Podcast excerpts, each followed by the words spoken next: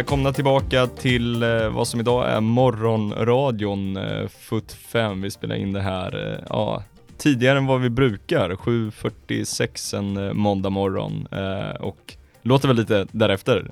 Men hur som, hur är läget med Mattias och Lovina? Jo, det är, det är bra. Börjar vakna till liv lite men, men röst och eh, huvudet kanske inte är riktigt kompatibla men vi får se. Jag hoppas att det går bra. No, 07.45 låter ju inte så jäkla sent, men det, det var jobbigt när larmet ringde 05 i morse. Vi har varit här och, och riggat ändå i, i en timme. Riggat och koppla kablar som vi, som vi brukar göra. Men eh, hörni, det har varit en fantastisk fotbollshelg. Tycker jag i alla fall. Mycket, mycket London-fokus eh, för din del kan jag tänka mig. Jag är väldigt spänd på att höra eh, veckans eh, svep. Det är bara att köra Mattias.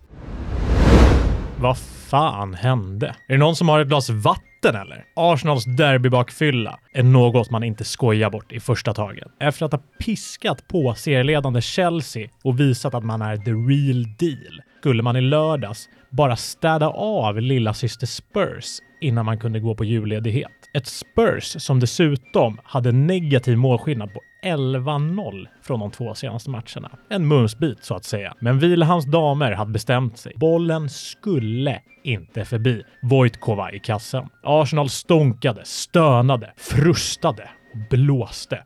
Men fick istället se Martha Thomas sätta sitt sjunde och matchens enda mål för att ge Tottenham segern med 1-0.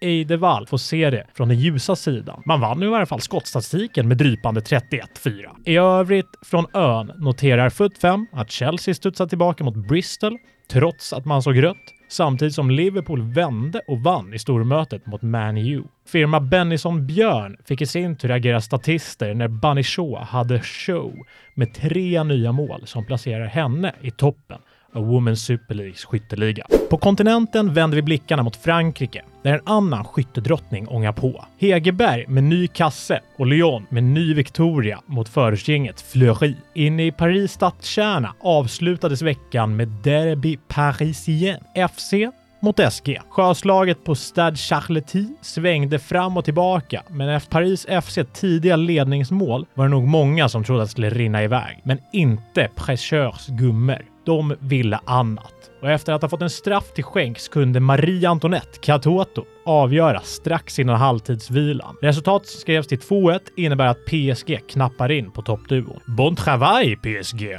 Minns ni Juventus som hade gjort 84 raka ligamatcher med mål och skulle erövra världen i jakten på det där rekordet på 107 matcher. Det rekordet jinxade podden fint i senaste avsnittet när den gamla damen åkte på pumpen i dubbel bemärkelse i den elfte omgången. Först torsk och sprucket målrekord mot Sampdoria för att sen se toppkonkurrenterna Roma brotta ner Como i en jämn 3-2 match. Loretta Kulashi hjälpte sitt Sassuolo att klättra närmre övre halvan när svenskan gjorde sitt fjärde för säsongen. Och Milan då? Blev det månne en seger för Aslanis gubbe denna helg? Nähä, inte denna gången heller. 1-1 mot det ljusblå från Neapel och bottenträsket är ett faktum. Spanien bjöd inte på några överraskningar när kvartetten i topp samtliga gick rent. Graham Hansen segerorganisatör i Barca medan Olga Carmona definitivt stängde Reals möte mot Las Planas. I Levante gratulerar vi Sveriges bästa målvakt, Emma Holmgren, till sin sjätte nolla för säsongen. Den 4 november gör hon upp med duon Falk och Musovic om just priset som Sveriges främsta burväktare. I botten går det desto sämre för Sporting Huelva som efter två insläppta mot Levante nu har en målskillnad på minus 21 och bara en inspelad poäng. Där har vi ett nyår som kommer firas på gymmet och träningsplanen snarare än på playan när vi tar uppehåll. Från tysken kom under veckan rapporter om en svensk mittbacksgeneral i Maggan Eriksson som tvingats operera foten. Från sjukhussängen rapporterade hon att allt gått bra och att uppehållet kommer lägligt, även om det kommer ta fler veckor att läka. Avbräcket av svenskan kanske också bidrog till Bayerns tappade poäng mot bottenlaget Nürnberg som spelade 1-1 med ligaledarna. Vi avslutar svepet med att säga grattis till Aitana Bonmati, landslagskamraten Jennifer Hermoso och även Colombias succégumma Linda Caicedo. Alla tre har chansen att vinna Fifas utnämning The Best när det avgörs den 15 januari. i London. Felicitaciones, congratulazioni, glückwunsch, stort grattis! Vinna Caicedo alltså en av tre eh, som är med i eh, ja men The Best. Ja, och eh, kanske är lite popularitetsval på sätt och vis. Jag menar, ja, men säsongsinledningen i Real Madrid var väl fin, men det var inget spektakulärt och nu är hon ju skadad. Jag tror att eh, mycket, mycket av hennes plats i den där trion handlar om eh, VMet hon ändå gjorde. Imponerade med. Ja, det är framförallt ett mål därifrån som, som sitter på mångas eh, näthinnor. Jag vet inte, vart det till och med nominerat till eh, Puskas? Dålig koll på det, men Ja. det hade inte förvånat om det var ett, ett mål som eh, var med där och snurrade. Jag tycker att det är helt rätt efter VM. Det var ju sjukt. Ja, men eh, samtidigt det känns ju också som att det bara finns en självklar vinnare i den trion eh, som redan har tagit hem kanske den lite viktigare utnämnelsen klassiskt sett i Ballon d'Or. Aitana Bonmati är väl favorit i varje fall. Vilken svensk eh, spelare skulle ni säga hade haft störst eller mest fog för att vara nominerad till eh, The Best? Ja, jag, jag skulle nog eh, våga, våga sticka ut hakan lite där och sen eh, hade inte hon haft en chans ändå för att hon är försvarare. Men eh, Amanda Ilestedt har ju hade ett bra mästerskap. Det väger ju tungt såklart, men också haft en bra höst i Arsenal. Så att eh, anfallsmässigt så har vi inte haft så mycket som har eh, stuckit ut. Så att ja, jag, jag hade lagt min röst eh, på Ilestedt. Hade vi haft en skadefri Rolfö så tror jag att hon hade kunnat ta det. Just med Champions League och, och allting. Nu var ju inte VM så bra heller då, men en hel Fridolina hade nog kunnat, kunnat ta det. Men som du säger, Ilestedt är ju verkligen värde, men det känns som att försvaret kanske inte syns på samma sätt. Men också Sechir efter sitt VM. Det är, det är- många, det är många favoriter som man tar upp nu, men Ja, hade det gått bara på landslagsfotboll eh, fotboll så hade Sechida kanske haft en möjlighet, men Mm. eh, eh, mycket klubblagsfotboll eh, spelar hon ju inte. Ja, Nej. nu fick hon ju se sig eh, omsprungen av eh, Hannah Hampton också i eh, klubblaget. Men eh, vi kanske kommer in på det. Men, Mm. men ska vi ta ner eh, stora matchen eller? Ja, det är North London Derby på Tottenham Hotspur Stadium och när vi satt och snackade upp matchen förra veckan så fanns det egentligen bara ett utfall på den här matchen. Men riktigt så blev det inte. Nej, väldigt oväntat. Alltså, som, som jag sa i svepet, så med tanke på hur mycket vad Arsenal visade upp mot Chelsea så borde de av alla logiska lagar som finns ha spöat Tottenham så dåliga som Tottenham ändå sett ut de två senaste matcherna. Men, men logik är väl till för att brytas, eller vad man brukar säga. Ja, du, du var inne på det eh, när vi har pratat innan det här att det, det var en smash and grab seger så att säga. Statistiken eh, 30, 31 Eh, fyra 4 i skott till Arsenals favör. Det skojar man inte bort. Nej, det är ju ganska tydligt vilket lag som var spelförande liksom hela matchen och, eh, men, men eh, jag tycker Tottenham har i alla fall i första halvlek väldigt stora problem med att eh, ja, men kunna eh, komma med bollen rättvända mot eh, Arsenals backlinje. Det är många gånger som man, försöker man försöker spela the Tottenham way, spela liksom från eh, egen målvakt hela vägen upp och Eh, men det är väldigt ofta som det tar stopp på eh, ja, men, halva, halva liksom på egen plan halva när eh, Arsenal sätter väldigt stor, hög press och vinner bollen och får flera farliga omställningslägen mot Tottenham som man inte lyckas ta vara på.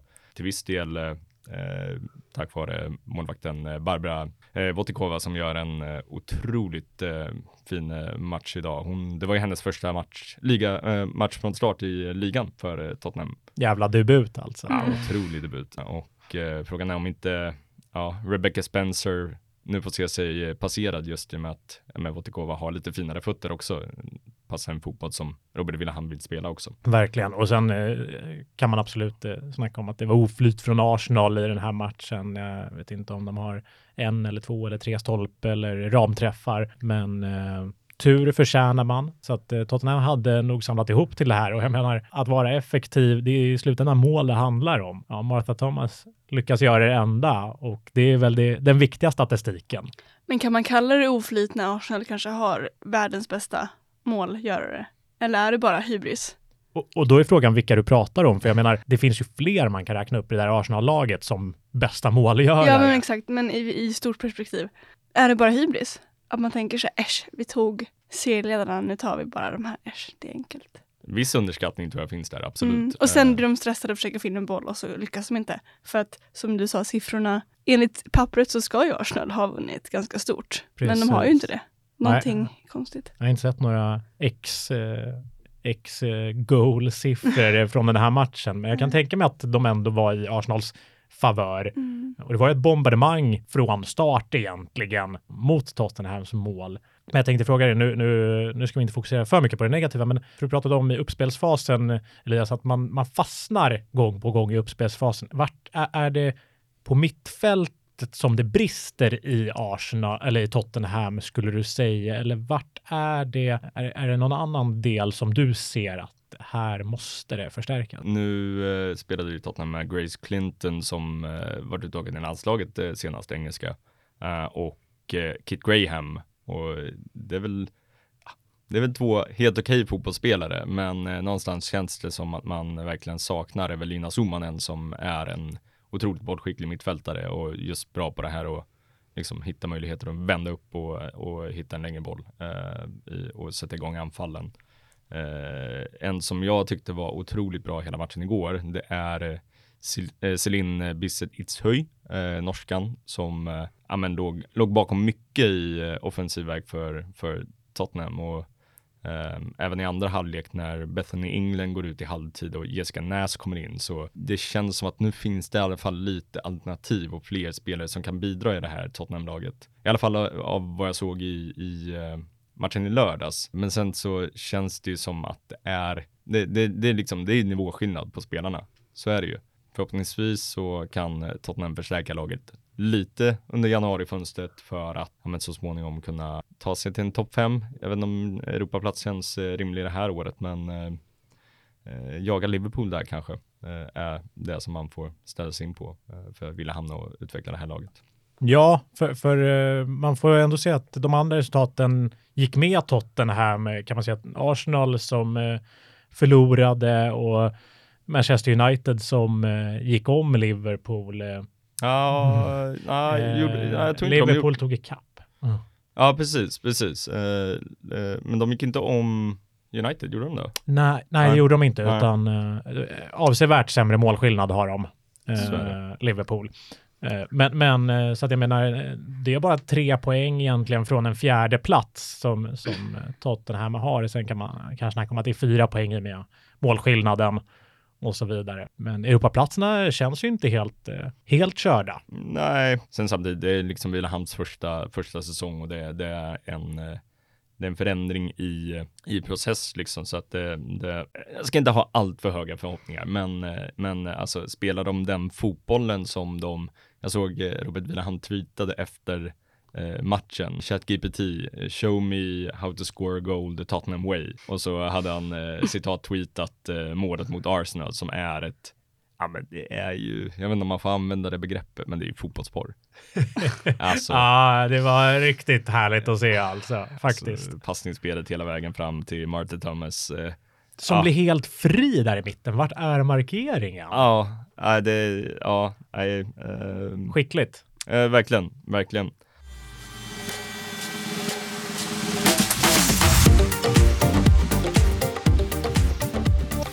Eh, men för att ändra lite fokus, hur, eh, hur tungt tror ni det här är för Arsenal nu att efter den matchen som man gör mot Chelsea gå in i eh, juluppehållet nu med en sån här tung förlust mot värsta rivalen och då även liksom, ja men tappa tre poäng mot Chelsea igen i toppsidan. Nej men jag tror mer att det är, det är jättetufft såklart tror jag och det är verkligen en baksmälla men jag tror att det är bra under jul att känna den här revanschlusten.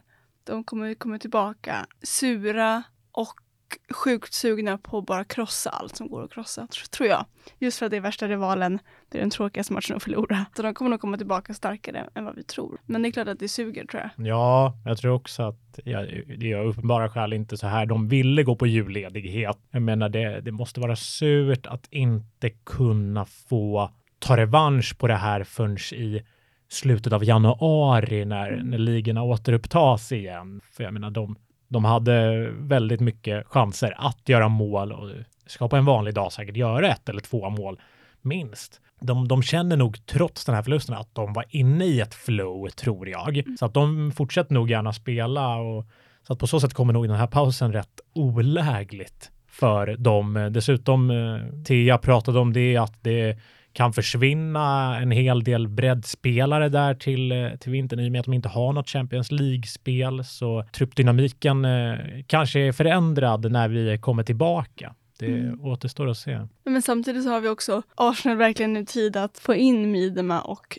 Mid igen på ett annat sätt. Och de har ju spelat mycket matcher men att de verkligen orkar match in och match ut köra 90 minuter. Där kanske Arsenal har en liten fördel med julledighet just nu för att det är de som kanske behövs i det här läget med sin erfarenhet och sitt lugn och sitt, sitt sätt att spela fotboll. Och så ser man ju ut att få in en av världens bästa målvakter också till, eh, till eh, återstarten i eh, Mary Earps som eh, enligt många engelska uppgifter ser ut att vara eh, mer eller mindre klar för eh, Arsenal. Ja, sen är hon den förstärkningen hon hade varit för ett par år sedan. Jag är inte helt säker alltså. Vi, vi vet att hennes höst nu i United inte har varit otrolig så som vi är vana att se Mary Earp. Sen är det klart att det är en klassmålvakt. Men, eh, men jag menar, jag är, inte, jag är inte övertygad om att den värvningen kommer göra dem till ett så pass mycket bättre lag. Men det, men det ska bli spännande och det är en profilvärvning, verkligen.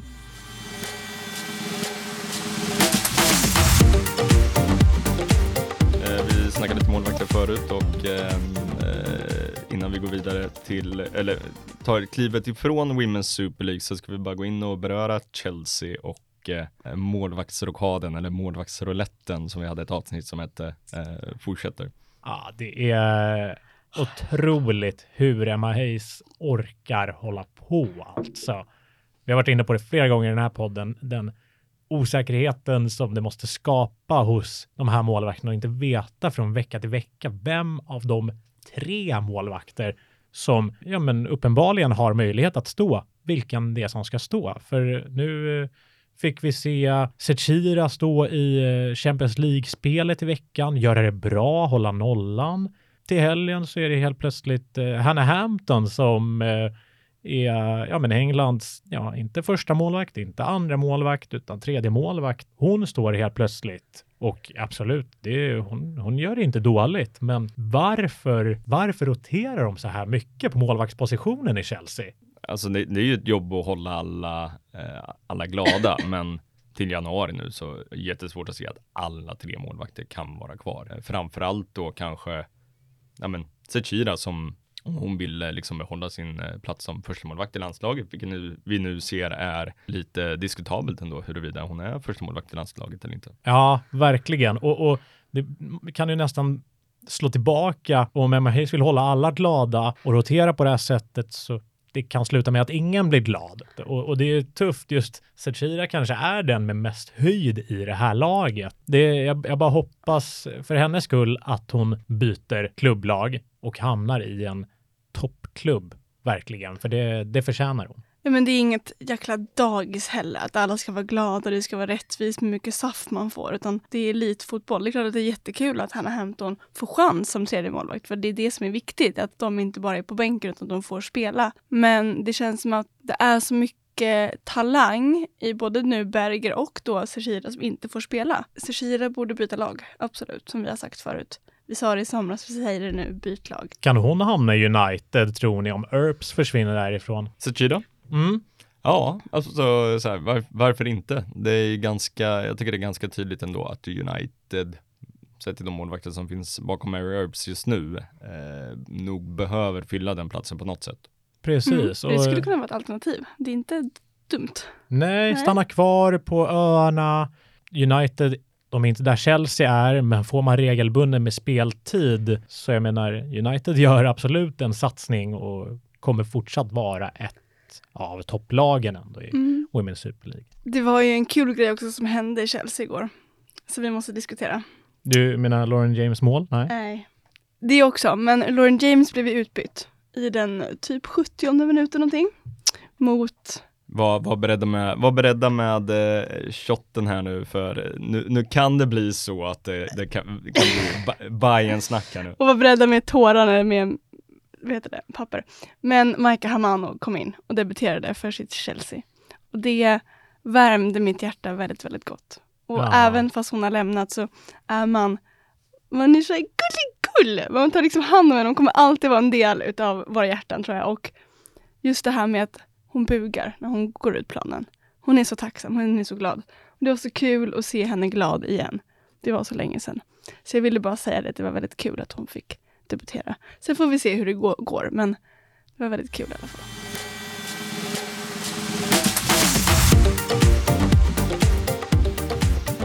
Vi, vi ska gå vidare och eh, ta en liten kik på de andra storligorna i Europa innan, innan eh, samtliga ligor går på eh, uh, juluppehåll. Eh, och eh, vi reser vidare till Spanien eh, där det är superjämnt i toppen. Nej. Nej. Eh, Barcelona har eh, redan eh, säkrat ligatiteln känns det som. Eh, nio poäng före tvåan Real Madrid. Men där eh, bakom Barcelona är det desto jämnare. Vi har ja, men, Real Madrid, Levante och eh, Madrid CFF på 27 poäng och sen Atletico på 26 poäng. Så där är det jämnt. En rejäl kamp i huvudstaden där. ruggigt jämnt och Atletico som väl hade chansen att men behålla sitt försprång eh, gentemot den andra trion nu i helgen, men inte lyckades få med sig en vinst.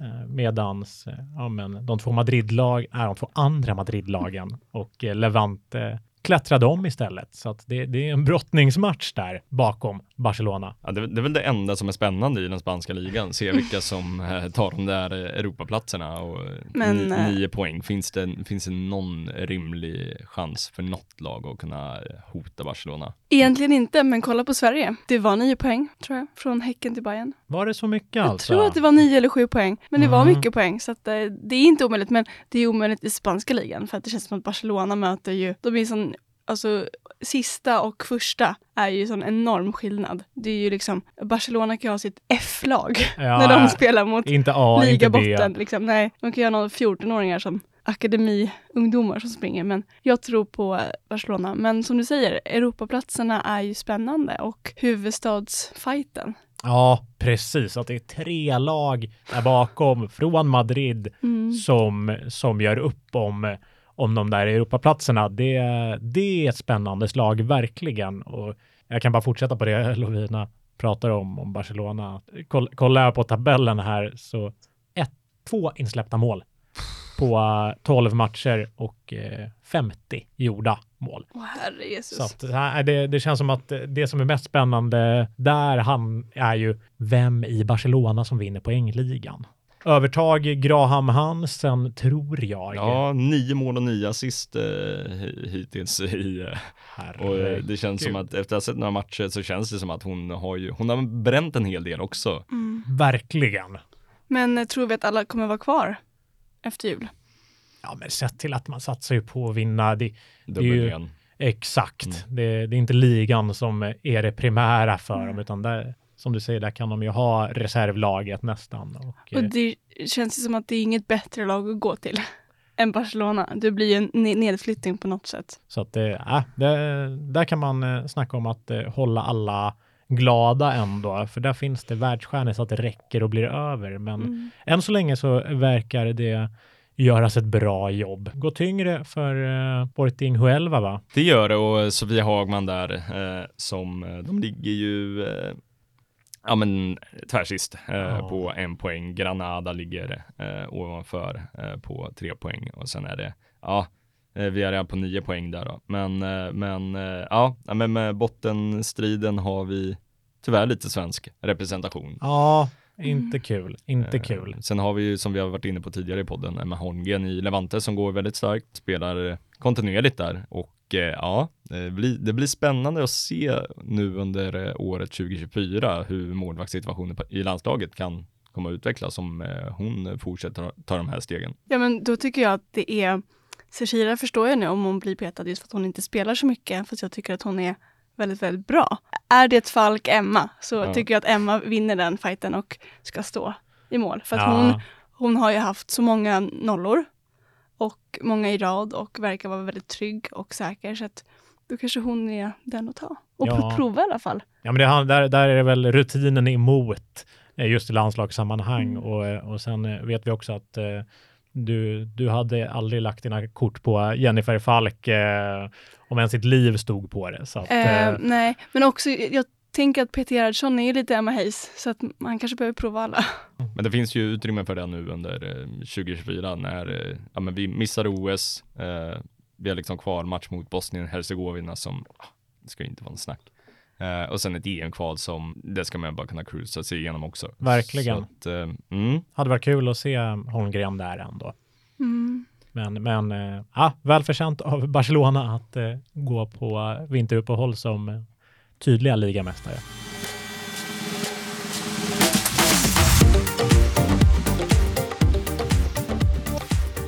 Ja, i ehm, tyska Bundesliga då så har vi en, ehm, ja, lite svenskt i toppen faktiskt för en gångs skull. Vi har ju såklart våran kära Bayern München i toppen med en skadad Magdalena Eriksson. Ja, tråkiga nyheter från, från veckan verkligen. Ja, och ehm, det känns som att hon kommer ju också missa nu kvalmatchen mot Bosnien. Det är inte så bra. Nej, Det är inte bra alls. Ehm, och en Pernille som också spelar Bayern München då, som verkar vara tillbaka i alla fall i fotbollsträning nu. Vi får se hur långt hon har tillbaka, men, men eh, som, som du berättade i svepet att eh, julledigheten kommer ju lägligt för, för dem båda att kunna komma tillbaka så gott som möjligt. Men eh, ja, de ligger på en första plats men det är inte jättebetryggande där. Nej, Wolfsburg, när vi spelar in det här så spelar ju Wolfsburg ikväll mot Mm. eh, Werder Bremen och vid seger så går man ju om. Mm. Och, och där bakom eh, är det också eh, ja, men relativt tajt ändå. Mm. Jag menar det är Bayern München på 24 poäng, Wolfsburg på 22, Eintracht Frankfurt på 20. Mm. Det, det, är- det är tajt och roligt i toppen där. Sätter du ett eh, neutralt perspektiv. Verkligen. Men verkligen, och det känns också som att eh, just den här säsongen är ju körd då för Rebecka Blomqvist, men nästa år kanske, om hon är kvar då i Wolfsburg, så är det lite svenskt i, i Bundesliga och det är väldigt kul. Men det är kul också att det är en så pass tajt liga, så att just nu så kan ju egentligen vem som helst av topp, kanske till och med fyra, gå och vinna ligan. Det är något annat än spanska ligan. Exakt. Och det är ju såklart kul om man hejar på Barcelona, men det blir ändå, vi som kanske inte har något lag, det blir så kul då när det är, vad som helst kan hända. Men, men hur tufft blir avbräcket nu eh, för Bayern München av Magdalena Eriksson, eh, skulle du säga Lovina? Alltså, jag menar, vi har ju sett att hon har ju på den korta perioden hon har spelat nu bara varit avgörande i form av mål. Mm. Men, men bakåt också, är hon lika viktig där som för svenska landslaget? Ja, men jag tror det. Jag har inte jättekoll på alla backar på bänken, ska jag erkänna. Men jag skulle tro att hon med sin erfarenhet och sitt lugn och sitt sätt att spela verkligen är en hjälp i backlinjen. Och det kommer nog bli ett tungt avbräck och inte minst att någon som inte har fått spela så mycket kommer in och spelar. Vilket kanske gör att det blir lite små ja, men osäkerheter och sådär. Men framförallt också som du säger, målen. Hon har ju gjort väldigt mycket mål. Hon har gjort fem mål tror jag ungefär. Ehm, tror att de flesta är i ligan där. Ehm, så det kommer såklart bli ett stort avbräck, men då får ju de som ska göra mål bevisa att de kan göra mål på riktigt. Och kommer Pernille tillbaka så har vi en målgörare och en backdrottning. Så att vi hoppas att det går bra och kommer tillbaka snart. Men, eh, men de har i alla fall gjort en bra försäsong och det är väl det viktiga. Just det. Men ja, och för, skönt med eh, lite uppehåll för dem i varje fall. Verkligen. Men väldigt, väldigt oturligt kom det ju. Mm.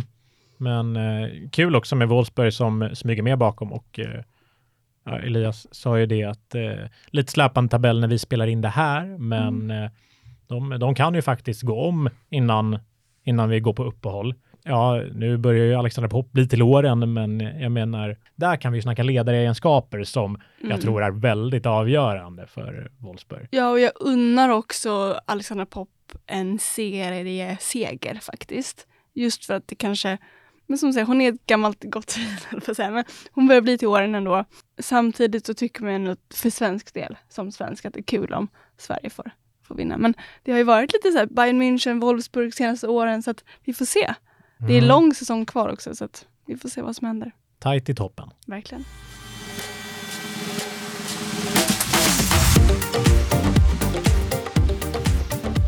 Ska vi eh, ta och eh, resa vidare till eh, Italien?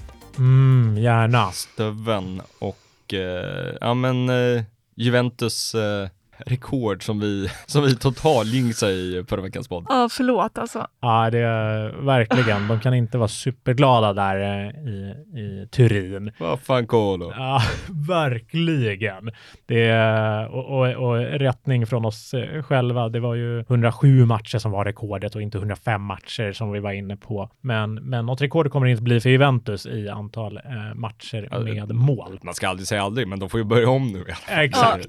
Gud vad segt börja om den där... Svi- ah, Lång alltså. väg att vandra. Äh, tu- tufft eh, i, i dubbel eh, bemärkelse som sagt den här omgången för Juve som legat hack i häl på Roma egentligen hela säsongen och så nu går man på uppehåll med sex poängs mellanrum mellan de två lagen. Det är inte, det är inte superlätt att hämta upp ett sånt och det är inte jättemånga matcher kvar även om det ska spelas något slags slutspel där i Serie A. Så att eh, kanske tak- taktiskt att spara på krafterna till, eh, till våren. Vem vet, skratta bäst som skrattar sist. Och sen är det kul ändå med eh, Fiorentina som eh, smyger med där bakom och dessutom eh, när vi spelar in det här, precis som i tyska ligan, så är det lite släpande, 22 poäng och en match mindre spelad har Fiorentina. Så att eh, de kan eh, innan juluppehållet bara ligga två poäng efter Juve, vilket ändå hade varit eh, varit roligt. Men sen kommer vi till det här eviga sorgebarnet Milan som eh, är helt eh, oförmögna att eh, ta tre poängare verkar det som. Nu senast mot Napoli så hade de 24 skott men lyckas bara få in ett mål.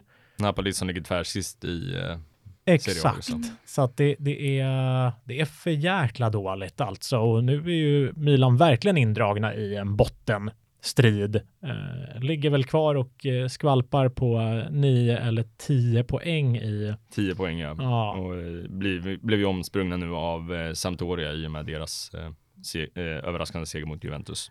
Finns det risk att de åker ut helt eller hur ser det ut? ja men eh, det, det, det kommer ju spelas något slags eh, slutspel i botten också. Mm. Och sen så, ah, det, de, de, på 9 av 10 gånger så lär de ju vinna en match mot Napoli, mot eh, Pomigliano. Ja, vad fan, allt kan hända i, eh, i slutet. Så Mm. att eh, man ska aldrig säga aldrig, men de ska ju vara för, för bra för att åka ur i varje fall. Men om vi vänder fokus till, eh, till eh, toppen, Roma nu med ett försprång på 6 poäng in i uppehållet och blir som italienarna eh, brukar slänga sig med, vintermästare. Ja, exakt. Det, det ska man inte underskatta, att gå in med det självförtroendet. Det är ju, från, från en svensk perspektiv så är det ju såklart kul, även om det är tråkigt att hon eh, knappt får stå. Men Stefanie Örström är ju en del av det där laget. Men, men, eh, men fortfarande en vintermästare i Stefanie Örström. Nej, jätte, jättestarkt av Roma att fortsatt hålla den här höga nivån.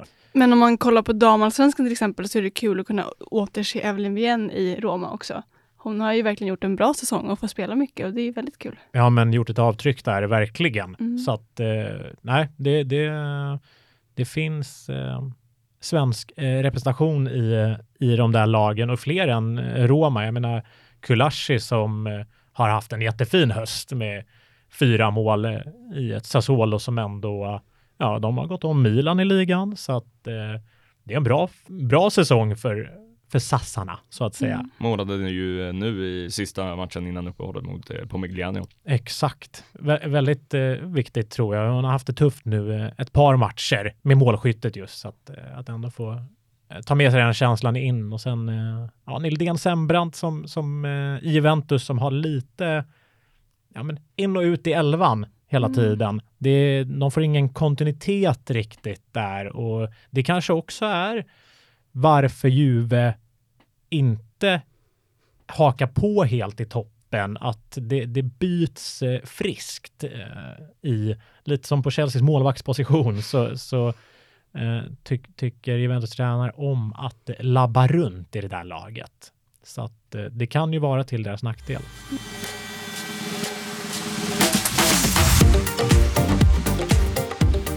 Och så då har vi en eh, storliga kvar och eh, det är den eh, franska ligan. Mon Dieu. Ja, men eh, här kan vi ju eh, på en gång se att det är ju Inga snack om vilka som kommer att ta hem den här ligan. Det är Lyon för vadå, tionde året på rak kanske. Eh, PSG har väl någon, eh, någon vinst där för fem, sex år sedan. Men annars så, eh, ja, 33 poäng Eh, i toppen och i och med att Paris FC förlorade mot eh, Paris SG i söndags så eh, ja, men cementerar de ändå sin plats i toppen med åtta poängs försprång.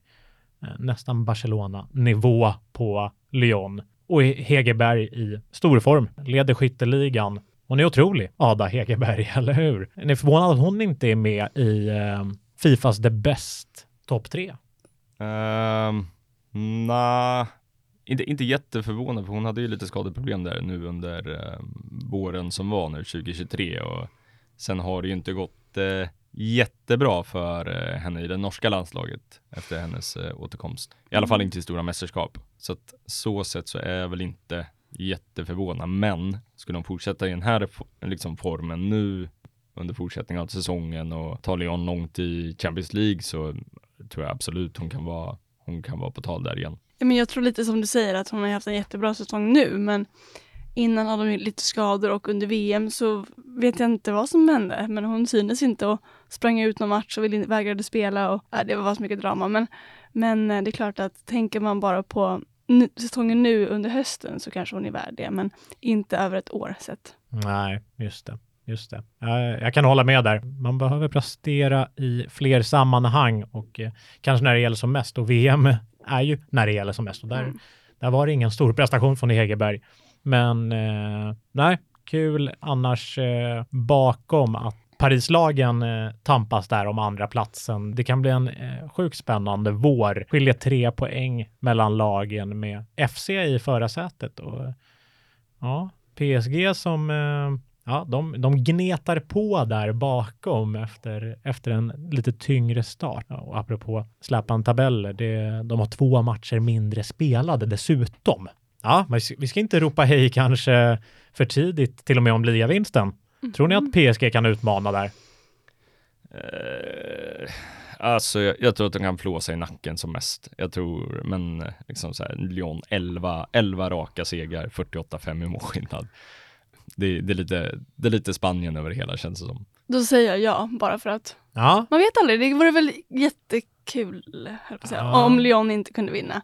Och så kommer de där i slutet och sopar banan och vinner. Ja, men precis. Det, de, de har, ju, har ju minst ett möte kvar mot varandra, så mm. att där, där kan det ju bli viktigt. Och sen så eh, det känns inte, även om det inte har hänt hittills, så jag menar, för varje vinst så kommer ju det där tappet av poäng närmre i varje fall, av logiska skäl. Så att, eh, na, vi, vi, kan, för spänningens skull så kan vi hoppas att, eh, att det blir lite jämnt om första platsen till slut. Veckans Visste du att?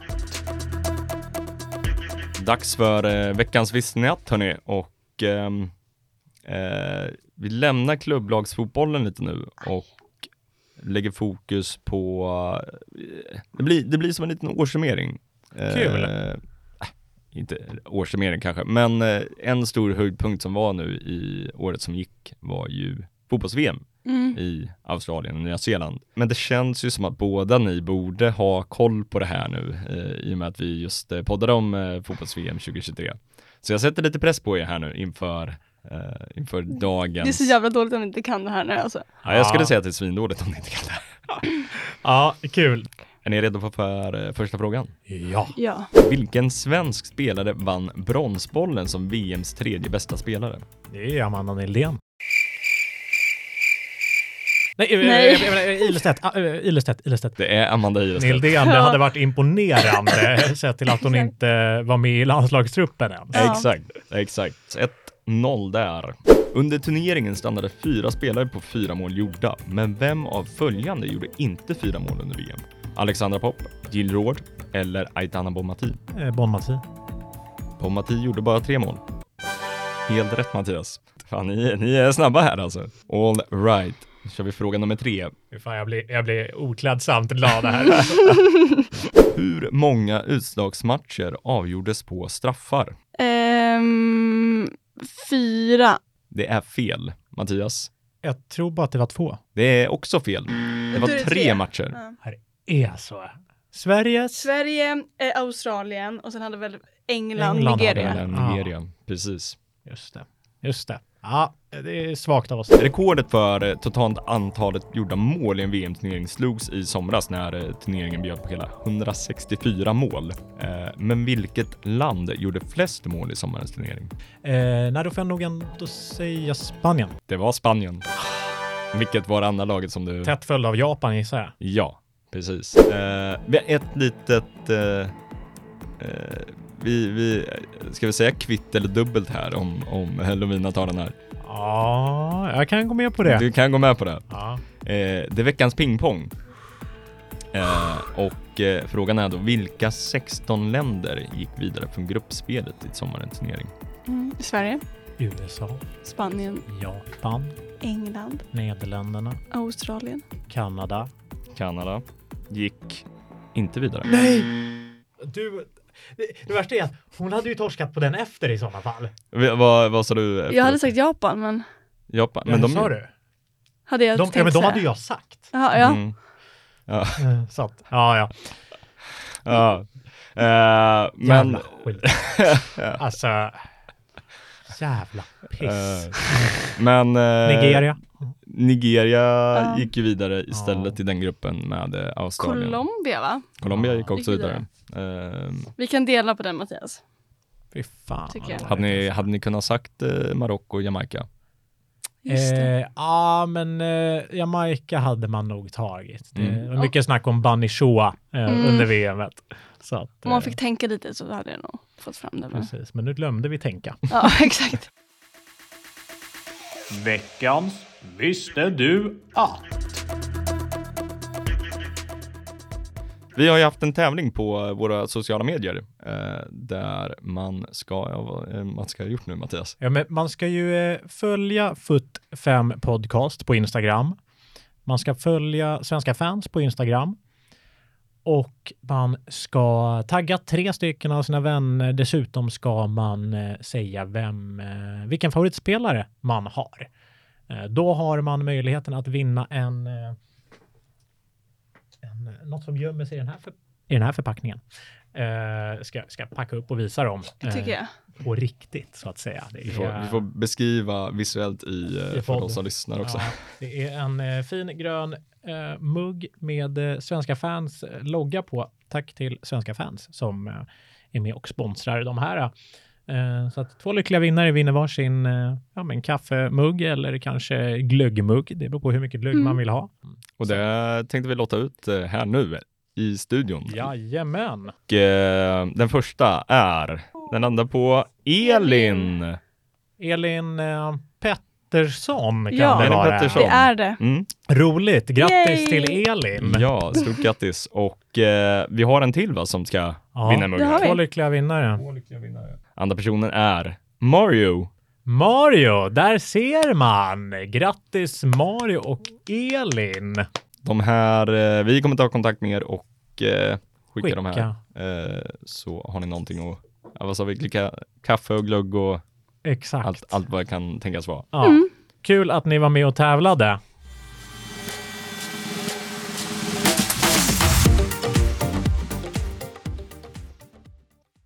Och eh, kul att ni har varit med oss eh, nu under det här eh, året, eh, den korta tiden som eh, podden har existerat. Eh, vi, vi kommer vara tillbaka och, eh, eller vi kommer ta ett litet eh, juluppehåll nu. Men eh, vi kommer släppa avsnitt för det. Exakt, vad, vad har vi härnäst? Det... Ja men härnäst så har vi ju då avsnittet som vi spelade in med Daniel Angegård som kommer nästa vecka. Eh, och eh, imorgon nu när vi spelar in det här så ska vi spela in ett eh, avsnitt med eh, Vittsjös eh, anfallare eh, Hanna Ekengren. Jajamän. Stämmer. Eh, som även där kommer komma ut eh, Runt nyår. ja, runt nyår. Precis.